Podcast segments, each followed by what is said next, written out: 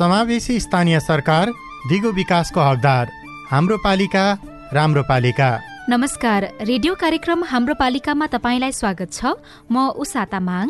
अनि म दिपक आचार्य। सिआइएन मार्फत सामुदायिक रेडियोबाट देशैभरि सिआइएन खबर डट कम र मोबाइल एप सिआइएनमा पनि चाहेको बेलामा विश्वभरि नै कार्यक्रम हाम्रो पालिका सुन्न सकिन्छ। अस्ट्रेलिया सरकार र द एसिया फाउन्डेसनको साझेदारीमा सञ्चालित स्थानीय सरकार सबलीकरण कार्यक्रम अन्तर्गत तयार पारिएको यो रेडियो कार्यक्रम हाम्रो पालिका सीआईएनले उत्पादन तथा प्रसारण गरिरहेको छ। कार्यक्रम मुख्यत सात प्रदेशका सात नगरपालिका केन्द्रित हुँदै आएको छ। निश्चित नगरपालिकामा केन्द्रित भए पनि विषय भने अरू स्थानीय तह नागरिक सरकारवाला निकायका लागि पनि प्रेरणा सूचना र जानकारीमूलक बनाउने कोसिस गर्दै आएका छौं। स्थानीय सरकारले गरेका वित्त व्यवस्थापन सूचनाको हक कार्यान्वयन नागरिकको समृद्धि र सजिलोका लागि भए गरेका राम्रा अभ्यास र सुधार गर्नुपर्ने पक्षका बारेमा कार्यक्रम हाम्रो पालिकामा विभिन्न सामग्री सुन्नुहुनेछ। कार्यक्रम हाम्रो पालिकाको अघिल्लो हप्ताको भागमा सशर्त अनुदानको कार्यक्रमको प्रभावकारिता र यसको कमजोरीको पक्षका बारेमा छलफल गरेका थियौं। सशर्तको अनुदानका लागि मन्त्री सांसद नेताहरूले आफू खुसी निर्णय गर्दा कतिपय स्थानीय तहमा योजना दोहोरो तेह्रो रूपमा पनि पर्ने गरेको कर्मचारीको आरोप छ। सशर्तको अनुदानका कारण स्थानीय सरकारको क्षमता कमजोर बन्दै गएको बारेमा प्राकृतिक स्रोत तथा वित्त आयोगका अध्यक्ष बालानन्द पौडेलसँगको कुराकानी सुनाएका थियौं भने कतिपय पालिकाले भने यो अनुदानको रकमले नागरिकले विकासको अनुभूत गर्न पाएको र खर्च प्रणाली पनि व्यवस्थित भएको बारेमा रिपोर्ट सुनाएका थियौं। कार्यक्रम हाम्रो पालिकाको आजको अङ्कमा समयमै बजेट कार्यान्वयन गर्न पालिकाले बनाएका योजना र त्यसको प्रभाव? समिति गठन छिटो गरिनु पर्यो भनेर चाहिँ निर्देशन गरिन्छ। कार्यान्वयनको चरणमा पनि छिटो गरिनु भनेर चाहिँ अनुगमन निर्देशन गरिएको हुन्छ। स्थानीय तहका जनप्रतिनिधि सरोकारवाला निकायले सच्याउनु पर्ने कुरा? विविध कारणले पछि पछि गर्दै जाँदा असाढ मसान्तमा चाहिँ एकदमै भ्याइ नभए हुने त्यो प्रचलन छ। यसलाई चाहिँ अब नगरपालिकाबाटै अलिकति टाइममै कार्यक्रमहरू सञ्चालन गर्ने। र वित्तीय हस्तान्तरणको सीमा समयमा पुग्दा पालिकालाई पुग्ने फाइदा। सो बमोजिमको आफ्नो स्रोत अनुमान गरी क्षेत्रगत बजेट र वडागत बजेटहरू निर्धारण गर्ने स्थानीय तहहरूलाई सजिलो हुन्छ। बजेट निर्माण र कार्यान्वयनमा संघ र प्रदेश सरकारको वित्तीय हस्तान्तरणको सीमाले पार्ने प्रभावका बारेमा आजको कार्यक्रम हाम्रो पालिका केन्द्रित हुनेछ। ल कान्छा यतिका दिन जे भयो भयो। अब दाई दिदीबहिनीहरूसँग रिस नराखेस् है। कान्छा दाईले मात्रै होइन क्या आमा? मेलमिलाप भइसकेपछि अब कसैले मन अमिलो बनाउनु भएन। तपाईँहरूले नै रोजेका मेलमिलापकर्ता राखेर जग्गाको साँच सिमाना बारेको नौ वर्षदेखिको विवादमा मेलमिलाप भयो। योभन्दा खुसीको कुरा हामी मेलमिलापकर्ताको लागि के हुन्छ र? मेलमिलापकर्ता बाबु हामी दुई भाइ बिचको झगडालाई यति सजिलै चाँडै मिलाइदिनु भएकोमा तपाईँलाई मुरी मुरी धन्यवाद छ। मैले यो मेलमिलाप केन्द्र भन्ने त अलि पहिले नै सुनेको थिएँ क्या बाबु। मन माझामाझ गरेर दुवै पक्षले जित्ने गरी पो कुरा मिलाउनु हुने रहेछ। कस्तो राम्रो। मनमुटाप गर्नेहरूलाई अबदेखि यो मेलमिलाप केन्द्रमै जाऊ भन्छु म चाहिँ। सुन्नुहोस् आमा। सरकारी सामुदायिक र सार्वजनिक बाहेक जग्गा सम्बन्धी विवाद गाली बेजती लुटपिट सहित विभिन्न एघार प्रकारका विवाद हरेक वडामा रहेका मेलमिलाप केन्द्रबाट मिलापत्र गराउन सकिन्छ नि आमा। कस्तो राम्रो। अनि हरेक वडामा यस्ता मेलमिलाप केन्द्र छन् त बाबु? छन् नि आमा किन नहुनु? कुनै कुनै वडामा दुई वा त्यसभन्दा धेरै पनि छन्। विवादका पक्ष र विपक्षका व्यक्तिले चाहेको मेलमिलाप केन्द्रबाट निकास खोज्न सकिन्छ। वडाको मेलमिलाप केन्द्रबाट विवाद समाधान भएन भने नि आमा। हजुर। पालिकाको न्यायिक समितिले पनि विवाद समाधानका लागि छलफल गराउन सक्छ। आहा। यति भएपछि त गाउँघरको झगडा गाउँमै हाँसु खुसीका साथ मिल्ने भइहाल्यो नि होइन त? हो नि आमा। अस्ट्रेलिया सरकार र द एसिया फाउन्डेसनको साझेदारीमा सञ्चालित स्थानीय सरकार सबलीकरण कार्यक्रम र अकोराब नेपाल। नेपाल सरकारले प्रदेश तथा स्थानीय तहको खर्चको आवश्यकता र राजस्वको क्षमताका आधारमा आएको सिफारिसमा प्रदेश र स्थानीय तहलाई वित्तीय समानीकरण अनुदान वितरण गर्ने व्यवस्था संविधान र कानूनमा छ। सरकारबाट प्राप्त उक्त अनुदान र आफ्नो स्रोतबाट उठेको राजस्वलाई प्रदेशले प्रदेशभित्रका स्थानीय तहको खर्चको आवश्यकता र राजस्वको क्षमताको आधारमा प्रदेश र कानून बमोजिम प्राकृतिक स्रोत तथा वित्तीय आयोगको सिफारिसमा वित्तीय समानीकरण अनुदान वितरण गर्दछ। त्यसका लागि प्रदेश तथा स्थानीय तहले आगामी आर्थिक वर्षका लागि आय व्ययको प्रक्षेपण गरिएको तथ्याङ्क सहितको विवरण पुस मसान्तभित्रमा संघीय सरकारलाई पठाउनुपर्छ। यसमा खर्चको अनुमान आफ्नो स्रोतबाट प्राप्त हुने राजस्वको अनुमानित रकम बजेट घाटा पूर्ति गर्न आवश्यक अनुमानित रकम र स्रोतको बारेमा जानकारी गराउनुपर्छ। त्यसका आधारमा चैत मसान्तसम्म प्रदेश सरकार र संघीय सरकारले फागुनभित्रै के कति बजेट स्थानीय तहलाई उपलब्ध गराउने हो भन्ने बारेमा सीमा हस्तान्तरण गर्नुपर्दछ। बजेटको सीमा समयमा निर्धारण नहुँदा स्थानीय सरकारको बजेट निर्माणको काम पनि प्रभावित हुन्छ भन्ने सिकाइ जनप्रतिनिधि र कर्मचारीको छ। बजेट सीमा प्राप्त गरेपछि स्थानीय सरकारले आफ्नो स्रोत अनुमान तथा बजेट सीमा निर्धारण समितिको बैठक राखेर पूर्व योजना तर्जुमाका बारेमा छलफल गर्छन्। त्यसपछि वडा तथा क्षेत्रगत रूपमा बजेटको सीमा तोक्छन्। दोलखाको भीमेश्वर नगरपालिकाका वरिष्ठ लेखा अधिकृत जगदीश अरियाल। वित्तीय हस्तान्तरणको सीमा बेलैमा अथवा समयमै प्राप्त भयो भने सो बमोजिमको आफ्नो स्रोत अनुमान गरी क्षेत्रगत बजेट र वडागत बजेटहरू निर्धारण गर्ने स्थानीय तहहरूलाई सजिलो हुन्छ। समयमा उपलब्ध भएन अथवा योजना तर्जुमा भन्दा अगाडि नै उपलब्ध भएन भने बजेट बीचहरूको सन्तुलन मिलाउन र सबै क्षेत्रहरू विषयवस्तुहरूलाई समेटेर सन्तुलित बजेट निर्धारण गर्न स्थानीय तहहरूलाई कठिन हुन्छ। सङ्घ र प्रदेशबाट वित्तीय सीमा हस्तान्तरण समयमै हुँदा स्थानीय तहहरूलाई बजेट निर्धारण गर्नको लागि समेत सजिलो हुन्छ। वित्तीय सीमाको बारेमा जानकारी पाइसकेपछि स्थानीय तहमा रहेका शाखाहरूले जिम्मेवारी अनुसार योजना निर्माणको काम सुरु गर्छन्।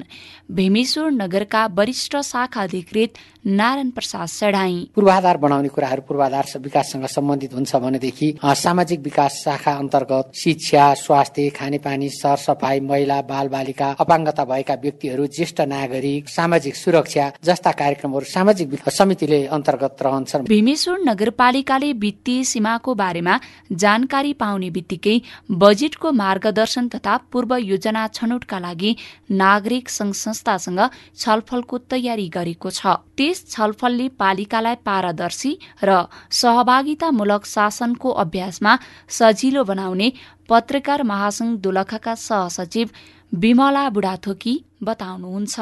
वित्तीय हस्तान्तरणको सीमा स्थानीय तहलाई आइसकेपछि चाहिँ बजेट निर्माण योजना निर्माण लगायतका काममा स्थानीय तहले नागरिक समाज राम सञ्चार माध्यमलाई उपस्थित गराएर छलफल गरेको पाइन्छ होइन? यसले गर्दा चाहिँ स्थानीय तहमा मितव्ययता समेत गराउँछ। वित्तीय सीमा हस्तान्तरण समयमै नहुने समस्या दोहोरिँदै आएको गुनासो जनप्रतिनिधिको छ। यो समस्या समाधान नहुँदा स्थानीय तहहरूको योजना निर्माणमा पनि प्रभाव पर्ने गरेकोमा कर्मचारीको एकमत छ।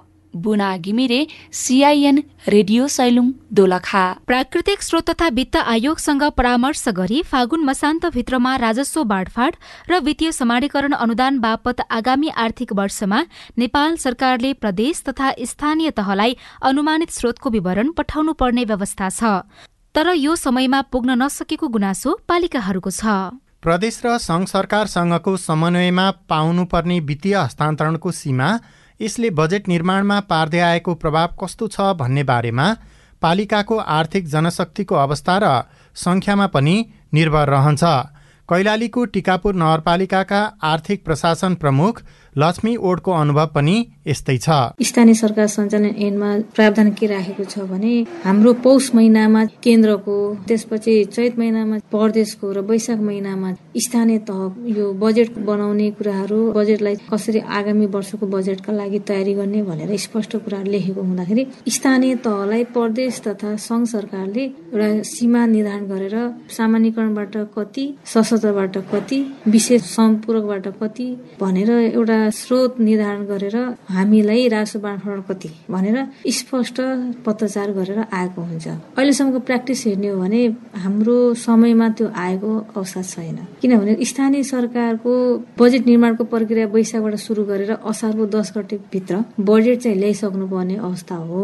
तर हामी कहाँ कतिपय सिलिङ निर्धारण भन्छ जसलाई सिलिङ निर्धारणको लागि जबसम्म प्रदेशको र सङ्घको कति आउने भन्ने कुरा जब हामी कहाँ समयमा नआउँदाखेरि बजेटको आकार कत्रो हुने बजेट कसरी परिचालन गर्ने बजेटको अनुमान कति गर्ने भन्ने कुरा अन्यल छ। त्यसैले अब हाम्रो आउनुपर्ने भनेको प्रत्येक सङ्घ सरकारबाट र हाम्रो प्रदेश सरकारबाट चाहिँ फागुनभित्र यो तपाईँहरूको स्थानीय तहलाई यो तपाईँ सामान्यकरण शीर्षमा यति सशक्तमा यति राष्ट्र बाँड्नमा यति भनेर समयमा आइदिएको भए स्थानीय तहलाई के सहज हुन्छ भने हाम्रो बजेटलाई कत्रो आकारको बनाउने। त्यो बजेटलाई कसरी परिचालन गर्ने र त्यसको एउटा समय तालिका कसरी निर्धारण गर्ने भन्ने कुरा निर्गोल हुन सजिलो हुन्छ भन्ने मलाई लाग्छ। यसरी वित्तीय हस्तान्तरणको सीमा जो तोकिएको हुन्छ त्यो अनुसार समयमै पुग्दा र नपुग्दाका प्रभावहरू कस्ता देखिन्छन्?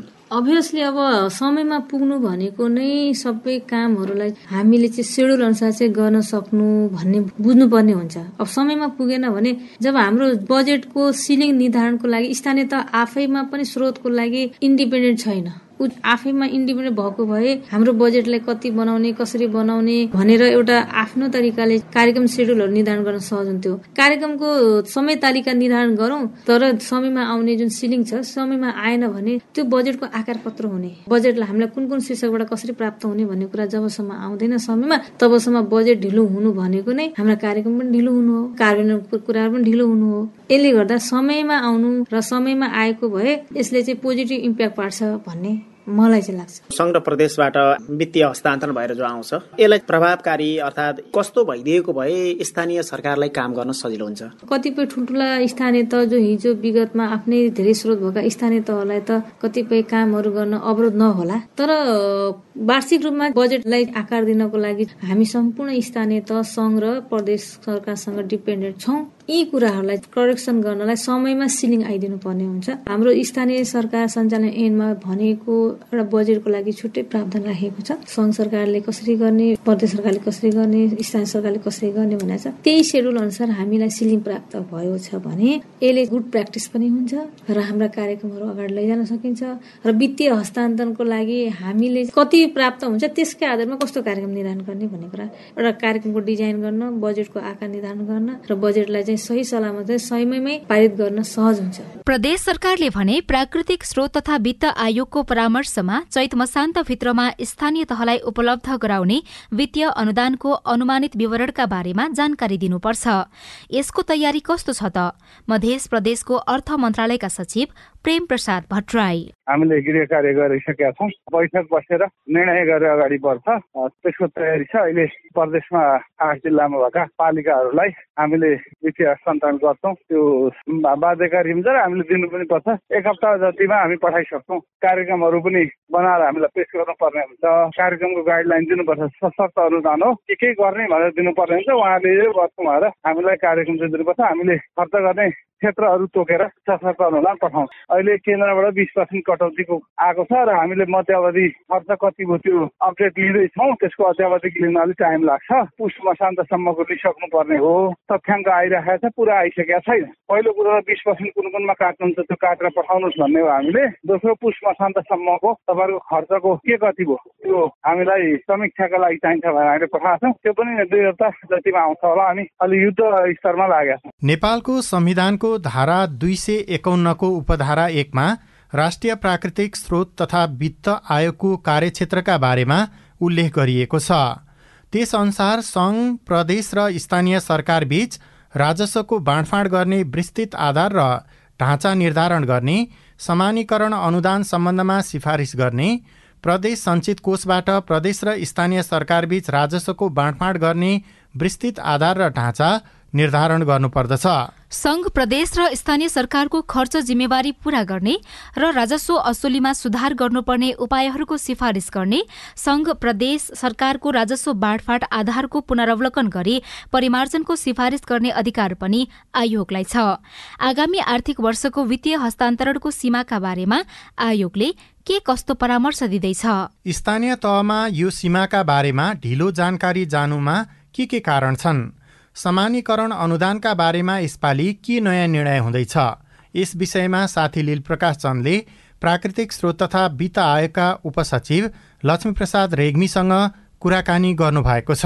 राष्ट्रिय प्राकृतिक स्रोत तथा वित्त आयोगले विशेष गरेर वित्तीय समानीकरण अनुदानको सन्दर्भमा प्रदेश र स्थानीय सरकारलाई वितरण गर्ने रकमको सन्दर्भमा नेपाल सरकारलाई परामर्श उपलब्ध गराउने अन्तर सरकारी वित्त व्यवस्थापन ऐन दुई हजार चौहत्तरको व्यवस्था बमोजिम आन्तरिक गृह कार्यमा राष्ट्रिय प्राकृतिक स्रोत तथा वित्त आयोगले अन्तिम चरणमा पुर्याइसकेको छ। यही हप्ताभित्रमै नेपाल सरकारलाई आयोगको परामर्श उपलब्ध गराउनेछौँ। आयोगले सबै काम गरिसकेर यसको घोषणा गर्ने अथवा ल यसरी निर्धारण गरियो भनेर पठाउने मात्रै त्यो सरकारको काम हो कि? अथवा आयोगले यति काम गरिसक्छ त्यस पछाडिको बाँकी काम भनेको सरकारको हुन्छ भन्ने हो? यो राष्ट्रिय प्राकृतिक तथा वित्त आयोगले गरेको सिफारिसको आधारमा नै नेपाल सरकारले अनुदान रकम उपलब्ध गराउने व्यवस्था भएको सन्दर्भमा विशेष यो हामीले गरेको सिफारिसकै आधारमा रकम गइरहेको विगतको अभ्यास पनि छ र त्यही अनुसार जान्छ पनि। आयोगले तिन किसिमको अनुदान सूत्रमा आधारित रहेर अनुदान सिफारिस गर्ने त्यस्तै न्यूनतम अनुदान सिफारिस गर्ने त्यस्तै गरेर कार्य सम्पादनमा आधारित अनुदान भनेर आयोगले नै गृह कार्य गरेर नेपाल सरकार समक्ष परामर्श उपलब्ध गराउँछ। अनुदानको अन्तिम सिफारिस गर्नु र यो सीमा निर्धारणको लागि सरकारलाई परामर्श दिनुमा खास के फरक छ? नेपाल सरकारले आयोगको परामर्शमा उपलब्ध गराउने भनौँ भने पनि यो नेपाल सरकार र आयो आयोगको सिफारिसकै आधारमा आयोगको परामर्श बमोजिम नेपाल सरकारले पठाउने भएकोले कानुनी व्यवस्था को हकमा कुरा गर्यो भने यो नेपाल सरकारबाटै निकासा हुने कुरा भयो। तर यसको आधार महत्त्वपूर्ण आधार चाहिँ आएको परामर्श सिफारिसलाई नै लिएको हुन्छ। अनि सीमा निर्धारण गर्दाखेरि के के कुरालाई बढी यसपालि ध्यान दियो अथवा अघिल्लो वर्षको तुलनामा यस वर्षको केही नयाँ छ कि? अथवा खास यो हरेक वर्ष सीमा निर्धारण गरेर पठाउँदाखेरि परामर्श दिँदाखेरि कुनै त्यस्तो अन्तर देखिँदैन सारमा वित्तीय समानीकरण अनुदानको सिफारिस तिनवटा आधार। अघि पनि मैले भने एउटा न्यूनतम अनुदान त्यो न्यूनतम अनुदान वितरणका पनि आधारहरू आयोगले होमवर्क गरेर होइन त्यो गत वर्ष के आधारहरूलाई नि यो वर्ष पनि आधार मानेर न्यूनतम समानीकरण अनुदान सिफारिस गरेको छ। त्यसै गरेर कार्य सम्पादनमा आधारित अनुदानको सन्दर्भमा प्रतिशत बढाउने आयोगको जुन दीर्घकालीन रणनीतिमा पनि यो कुरा उल्लेख भएको छ र सोही अनुसारले कार्य सम्पादनमा आधारित अनुदान केही मात्रामा बढाउने गरी आयोगले अहिले गृह कार्य गरेको छ। अन्तिम भइ नसकेकोले मैले यति नै भन्न नसके पनि कार्य सम्पादनमा आधारित अनुदान वृद्धि हुन्छ। त्यो कार्य सम्पादन मूल्याङ्कनको काम पनि आयोगले नै गर्छ होइन? के के हो एकदमै। स्थानीय तह र प्रदेश सरकारको विभिन्न सूचकहरूको आधार आयोगले गरेर स्थानीय तहका क्रियाकलापहरू त्यस्तै उनीहरूले ऐन नियममा भएका व्यवस्थाहरूको परिपालना त्यस्तै प्रदेश सरकारको क्रियाकलाप अथवा ऐन नियममा भएका व्यवस्थाहरूको परिपालनालाई लिएर सात सय त्रिपन्न स्थानीय तह र सातैवटा प्रदेश सरकारको आयोगले कार्य सम्पादन सूचकका आधारमा मूल्याङ्कन गरेको छ। र त हामीले वेबसाइट मार्फत सार्वजनिक पनि गरेका छौँ। र त्यही आधारमा पाउने अनुदान जसलाई हामी कार्य सम्पादनमा आधारित अनुदान भन्छौँ त्यो चाहिँ विगतको भन्दा केही बढ्ने गरी आयोगले गृह कार्य गरेको छ। त्यस्तै अर्को सूत्रमा आधारित अनुदान लाई पनि हामीले विगतका सूत्रहरूमा खासै परिमार्जन नगरिकनै वित्तीय समानीकरण अनुदान वितरण गर्ने तयारी गरिरहेका छौँ। पछिल्लो पटक आयोगले निकालेको एउटा प्रतिवेदनमा स्थानीय तहहरूले खर्च कति हुन्छ र आम्दानी कति हुन्छ भनेर खासै भ्यू पाएनन् भन्ने चाहिँ त्यहाँबाट देखिन्छ। किनभने निश्चित यति आम्दानी गर्ने भन्यो आम्दानी फेरि पछाडि अन्तिम समयमा आएर अलिक धेरै हुने र त्यसले गर्दाखेरि बजेट निर्माणमा अझै स्थानीय तहहरूमा परिपक्वता आवश्यकता महसुस गरेको जस्तो त्यो प्रतिवेदनमा देखिन्छ होइन? ती कुरालाई पनि यो सीमा निर्धारण गर्दाखेरि कहीँ न कहीँ ख्याल गरिन्छ? त्यो कार्य सम्पादन सूचकमा होइन राजस्व क्षमताको कुरा राजस्व प्रक्षेपणका कुरा होइन। अनि कति प्रतिशत पुँजीगत खर्च गरेका समयमा बजेट नल्याएको नल्याएको लगायतका विभिन्न सूचकहरू राखेका छौँ। र यहाँले उठाउनु भएको विषयवस्तुको सन्दर्भमा हामीहरू र हाम्रो अनुभव पनि बजेटलाई अझै बढी तथ्यपरक वस्तुपरक बनाउने सन्दर्भमा सबै तहका सरकारहरू चाहे त्यो सङ्घीय तह प्रदेश र स्थानीय तह सबैले नै यसतर्फ अझै बढी होइन? क्रियाशील हुनुपर्ने अझै बढी सुधार गर्नुपर्ने पाटो त अवश्य पनि रकै देखिन्छ आएको तर्फबाट भन्नुपर्दा। केही बढाएर पठाइँदैछ भन्नुभयो अघि मात्र यहाँले होइन? त्यो भनेको चाहिँ कस्तो? बजेट बढेर जाने हो कि अथवा यो अहिले यहाँबाट बढाएर जाँदाखेरि बजेटमा यसले पार्ने प्रभाव अथवा केही न केही त सोचेर नै बढाउन खोजिराख्नु भएको होला? कार्य सम्पादनमा आधारित। अनुदानको सन्दर्भमा चाहिँ टोटल हामीले जति वित्तीय समानीकरण अनुदान पठाउँछौँ त्यसको निश्चित प्रतिशत कार्य सम्पादन आधारित कार्य सम्पादनमा आधारित अनुदान पठाउने भएको हिसाबले गर्दा राम्रो कार्य सम्पादन गर्ने पालिकाहरूको सन्दर्भमा कार्य सम्पादन सूचकमा आधारित अनुदान चाहिँ अलिक बढ्न सक्छ भन्ने कुरा हो। त्यो सीमा निर्धारण गर्दाखेरि अहिले। हजुर कार्य सम्पादनमा आधारित सूचक टोटल अनुदान जति हामीले दिन्छौँ त्यसमध्येमा कार्य सम्पादनमा आधारित अनुदानलाई चाहिँ अलिक बढी महत्त्व दिने भन्ने सन्दर्भमा गृह कार्य गरिरहेका छौँ। आयोगले सिफारिस अथवा परामर्श दिइसकेपछि सरकारले त्यसै अनुसारको मातहतका निकायमा पठाउनु पर्यो। तर सङ्घ सरकारले फागुनभित्रमा अनि प्रदेश सरकारले यो सीमा निर्धारण विवरण चाहिँ चैतभित्रमा पठाइसक्नु पर्ने भनेर त्यहाँ लेखिएको छ होइन? त्यो चाहिँ किन फरक फरक त्यही विषय एउटै समयमा जान नसक्नुको कारण के हो? यसमा चाहिँ यहाँले भन्नुभएको कुरा चाहिँ प्रदेश सरकारले यो सङ्घ सरकारबाट जाने अनुदानको सिलिङ जुन हामीले यहाँले अघि भन्नुभयो जस्तो उदाहरणको लागि म भन्छु तपाईँलाई अझै प्रश्न बुझिने गरी। फागुन मसान्तमा सङ्घले प्रदेशलाई दिने अनुदानको उनीहरूले आफ्नो अनुमान गरिसकिसकेपछि बल्ल प्रदेशले स्थानीयलाई दिने रकम यकिन गर्न सजिलो हुने भएको हिसाबले गर्दाखेरि पनि यो समय फरक पर्न गएको हो। यदि अब सङ्घबाट प्राप्त हुने प्रदेशलाई प्राप्त हुने समानीकरण अनुदानको रकमै थाहा नभइकन प्रदेशबाट स्थानीयमा जाने समानीकरण अनुदान यकिन गर्नलाई कठिनाइ पर्ने भएकोले पनि यो व्यवस्था एकैचोटि गर्नलाई भन्दा अहिले गरेको हिसाबले वस्तुगत र वैज्ञानिक छ। वास्तवमा यहाँले भन्नुभएको जस्तो सीमा निर्धारणको सन्दर्भमा कुनै एकै निकायले मात्रै गर्ने भन्ने सन्दर्भको कुरा पनि हुँदैन होइन? र सरकारले आफ्नो स्रोत साधनबाट यो रकमको वितरण गर्नुपर्ने हुँदाखेरि यो ठ्याक्कै सङ्घले दियो प्रदेशले दिएन भन्ने सन्दर्भको कुरा तुलना गर्न सक्ने उहाँहरूले अविश्वासै गर्नुपर्ने अवस्था चाहिँ रहँदैन जस्तो लाग्छ मलाई। स्थानीय तहहरूले त्यो सीमा निर्धारणको विषयमा जानकारी पाइसक्नु पर्ने लेखिएको कुरा भयो होइन? तलमाथि भयो अथवा समय केही चाँडो अथवा ढिलो भयो भने यसले स्थानीय तहहरूको बजेट निर्माण प्रक्रियामा सजिलो अप्ठ्यारो बनाउँछ कि बनाउँदैन? होइन यसमा त यो निश्चित समयावधि ऐनमै किटान गरिने भएकोले निश्चित किटान भएकोले सोही अनुसार नै यो काम हुन्छ। यसमा त्यस्तो त्यो निर्धारित समयभन्दा ढिलो भन्ने अवस्थै हुँदैन। तर जस्तो आयोगले समयमै पठायो भने पनि सरकारले पठाउँदाखेरि त्यो ढिला पठाउँछ भनेर जनप्रतिनिधिले गुनासो गरिराख्ने गरेको धेरै सुनिन्छ होइन? आयोगले परामर्श दिइसकेपछि एउटा सिफारिस पठाइसकेपछि सरकारहरूले त्यसबारेमा जानकारी दिनको लागि त्यसलाई अझ परिपक्व बनाउनको लागि केही समय लाग्ने भएर हो कि? अथवा जान जान्ने रोके भनेर जनप्रतिनिधिले गुनासो गर्छन् त्यो साँचो होइन यसमा विशेष गरेर वित्तीय समानीकरण अनुदानको हकमा आयोगले गरेको सिफारिस। के कार्यान्वयन नेपाल सरकारबाट हुने अवस्था भएको कारणले गर्दा यसमा त्यस्तो यहाँले अघि भने जस्तो त्यहाँ गएर धेरै होमवर्क गर्नुपर्ने गृह कार्य गर्नुपर्ने अवस्था देखिँदैन। त्यही कारणले समयमै यो जान्छ भन्ने अपेक्षा गर्ने। आयोगले सीमा निर्धारण गरेन भने चाहिँ के हुन्छ? अनि यो त आयोगको संवैधानिक काम हो आयोगले गर्छ। आफ्नो समयभित्र यसमा नगर्ने भन्ने विषय नै भएन। हामीले अहिले पनि हामी अन्तिम चरणमा छौँ। मैले यहाँलाई भनिसकेँ यो निर्धारित समयभित्रै हामीले गर्छौँ। प्राकृतिक स्रोत तथा वित्त आयोगका उपसचिव लक्ष्मी प्रसाद रेग्मी। उहाँका अनुसार आयोगले अबको एक हप्ताभित्रै वित्तीय हस्तान्तरणको सीमाका बारेमा सरकारलाई परामर्श पठाउने तयारी गरेको छ। तपाईँ यति बेला रेडियो कार्यक्रम हाम्रो पालिका सुन्दै हुनुहुन्छ। सामुदायिक सूचना नेटवर्क सिआइएनले उत्पादन र प्रसारण गरिरहेको कार्यक्रम हाम्रो पालिकाको आजको अङ्कमा हामी बजेटको प्रभावकारी कार्यान्वयन अनि बजेट निर्माण र कार्यान्वयनमा सङ्घ प्रदेश सरकारको वित्तीय हस्तान्तरणको सीमाले पार्ने प्रभावका बारेमा छलफल गरिरहेका छौँ। तपाईँको स्थानीय तहले गरेको काम कारवाही तपाईँलाई कस्तो लागिरहेको छ? सुनाउन मन छ भने शून्य एक बाहन्न साठी छ चार छमा फोन गरेर आफ्नो कुरा राख्न सक्नुहुनेछ।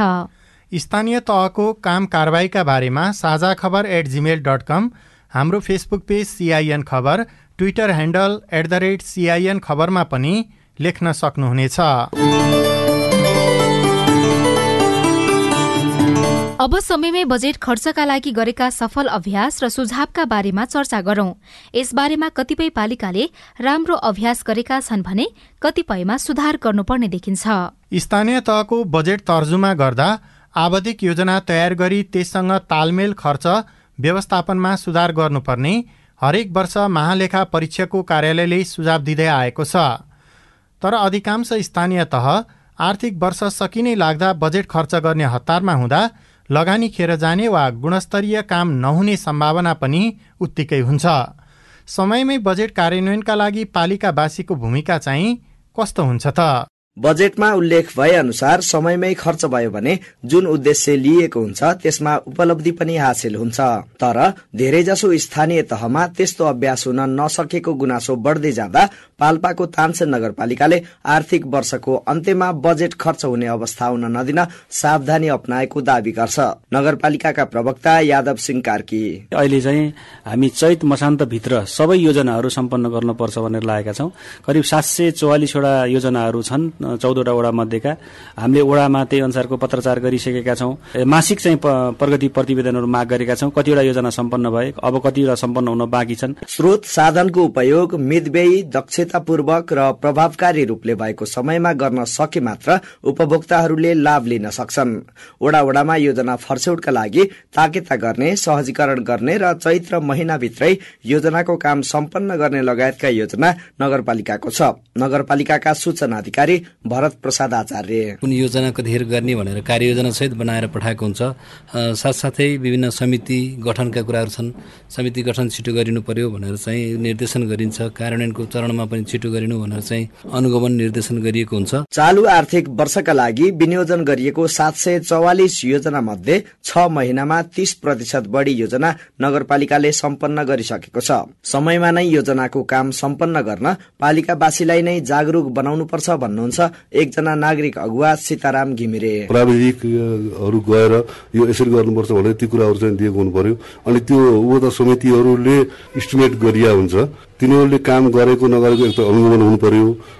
अनुगमन गर्दाखेरि अवगतलाई मर्क नपर्ने र चाहिँ अब काम सकिने लागेको छ अलिकति थोरै मात्रै बाई भयो भने पनि त्यसलाई चाहिँ अलिकति थपथाप गरेर हुन्छ के हुन्छ त्यसलाई पुरा गर्ने वातावरण चाहिँ बनाइदियो भनेदेखि जनतालाई पनि अब विश्वास बढ्दै जान्छ। समयमा बजेट खर्च गर्न नसक्नुमा प्राय स्थानीय सरकारले सार्वजनिक खरिद अनुगमनको प्रक्रियालाई दोष दिने गरेका छन्। तर सार्वजनिक खरिद अनुगमन कार्यालयले भने प्रक्रियागत रूपमा नजाँदा अन्तिम समयमा बजेट खर्च हुने गरेको बताउँदै आएको छ। Bijay Kumar Baudel CIN radio Madan Pokhara Palpa. Budget निर्माणमा मात्रै होइन यसको कार्यान्वयनमा पनि विभिन्न चरण तोकिएको छ।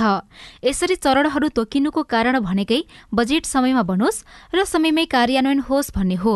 स्थानीय तहको पहिलो पाँच वर्ष कार्यकाल सकिँदा पनि बजेट कार्यान्वयनमा समस्या दोहोरिनुको कारण के होला? सुर्खेतको वीरेन्द्रनगर नगरपालिकाका कर्मचारीको विचार तथा सुझाव सुनौ। म पूर्ण आचार्य छ महिनामा नौ महिना र वर्षमा सकाउने योजनाहरूलाई चाहिँ अगाडि नै जुन कामको प्रगति हुन्छ त्यसलाई चाहिँ समीक्षा गरेर त्यो अनुसारको जनशक्तिहरू आय गर्न सम्बन्धित निकायहरूलाई पनि दबाव सिर्जना गर्नुपर्छ र यदि काम गरेनन् भने ती निकायहरूलाई कारवाहीको दायरामा ल्याएर काम गर्न थाल्ने संस्कार जुन हामीले बसाल्न सक्यौँ भने अर्को आगामी वर्षदेखि त्यसरी हुने काम वर्षको अन्तमा हुने कामहरू चाहिँ रोकिन्छन् र टाइममै काम गर्नुपर्छ भन्ने मान्यता सम्बन्धित निकायलाई हुन्छ अथवा जिम्मेवारी निकायलाई हुन्छ र उनीहरूले त्यो अनुसारको योजना बनाएर जनशक्ति प्रयोग गर्छन् र विकासका योजनाहरूलाई अगाडि बढाउँछन् भन्ने मलाई लाग्छ। नमस्कार म चाहिँ ज्योति केसी। म यहाँ नगरपालिका सामाजिक शाखामा कार्यरत छु। यो बजेटिङको कुरा चाहिँ अब जुन पालिकाबाट गर्ने कामहरूमा योजनाहरूमा छुट्याइने बजेटहरू छ त्यो चाहिँ एकदम समयमा नै बजेटहरू छुट्याइनुपर्छ र समयमा नै त्यो कामहरू सम्पन्न गर्नुपर्छ। हाम्रो चाहिँ एक त बजेटमा बजेटै ढिलो आउने होइन? अन्त कार्यक्रम पनि अब पछि गरौँला पछि गराउँदा भन्दै थन्काउँदै अब विविध कारणले पछि पछि गर्दै जाँदा असाढ मसान्तमा चाहिँ एकदमै भ्याइ नभ्याइ हुने त्यो प्रचलन छ यसलाई चाहिँ अब नगरपालिकाबाटै अलिकति टाइममै कार्यक्रमहरू सञ्चालन गर्ने र लाने जुन काम गर्ने सङ्घ संस्थाहरूले नै अलि अगाडि नै आफूले त्यसमा चाहिँ लागि परेर गर्नुपर्छ जस्तो लाग्छ मलाई। नमस्कार। म भूपेन्द्र गिरी वीरेन्द्रनगर नगरपालिका जनस्वास्थ्य शाखामा शाखा प्रमुखमा कार्यरत छु। भनौँ न साउनको महिनादेखि नै कामहरू सुरुवाती गर्नुपर्छ र यो अन्तमा आएर आर्थिक वर्षको अन्तमा आएर बजेटहरू एकैचोटि खर्च गर्न लाग्यो भनेपछि त्यति प्रभावकारिता पनि हुँदैन। बजेट निर्माण र कार्यान्वयनका चरणहरू बुदागत रूपमा पछ्याउँदै जाने हो भने आर्थिक वर्षको अन्तिममा पैसा खर्च गर्नका लागि भ्याइ नभ्याइ हुने अवस्था नआउने पालिकाका कर्मचारीहरूको भनाइ छ। भएका कमजोरी सच्याउनका लागि जनप्रतिनिधि र कर्मचारी दुवै पक्षको भूमिका अत्यन्त महत्त्वपूर्ण हुन्छ। पाल्पाको तानसे नगरपालिकाले बजेट खर्च समयमा होस् भन्नका लागि ओडा उपभोक्ता समिति र सरकारवाला बीचको समन्वय र अनुगमनमा ध्यान दिएको जनाएको छ। वित्तीय हस्तान्तरणको सीमाका बारेमा एक हप्ताभित्रमा प्राकृतिक स्रोत तथा वित्त व्यवस्थापन आयोगले सरकारलाई लेखी पठाउने तयारी गरेको छ। कार्यक्षमता मूल्याङ्कनको नतिजाका आधारमा समानीकरण अनुदानको रकम बढाउने तयारी पनि गरिएको छ।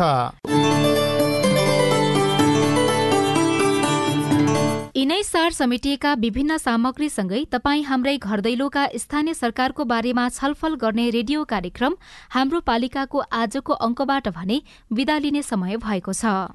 तपाईँलाई तपाईँको पालिकासँग केही सोध्न भन्न जान्न बुझ्न अथवा समस्या सुनाउन मन छ भने टेलिफोन नम्बर शून्य एक बाहन्न साठी छ चार छमा फोन गरेर दिएको निर्देशनअनुसार रेकर्ड गराउन सक्नुहुनेछ। Facebook page CIN Khabar Twitter handle at the rate CIN खबरमा पनि लेख्न सक्नुहुनेछ। प्राविधिक साथी सुनिल राज भारतलाई धन्यवाद। रेडियो कार्यक्रम हाम्रो पालिकाको आजको अङ्कबाट सहकर्मी साथीहरू ईश्वर साउद कल्पना ढेङ्गा मगर विजय बौडेल बुना घिमिरे विनोद महतो सहित हामी सबै विदा भयौं। नमस्कार।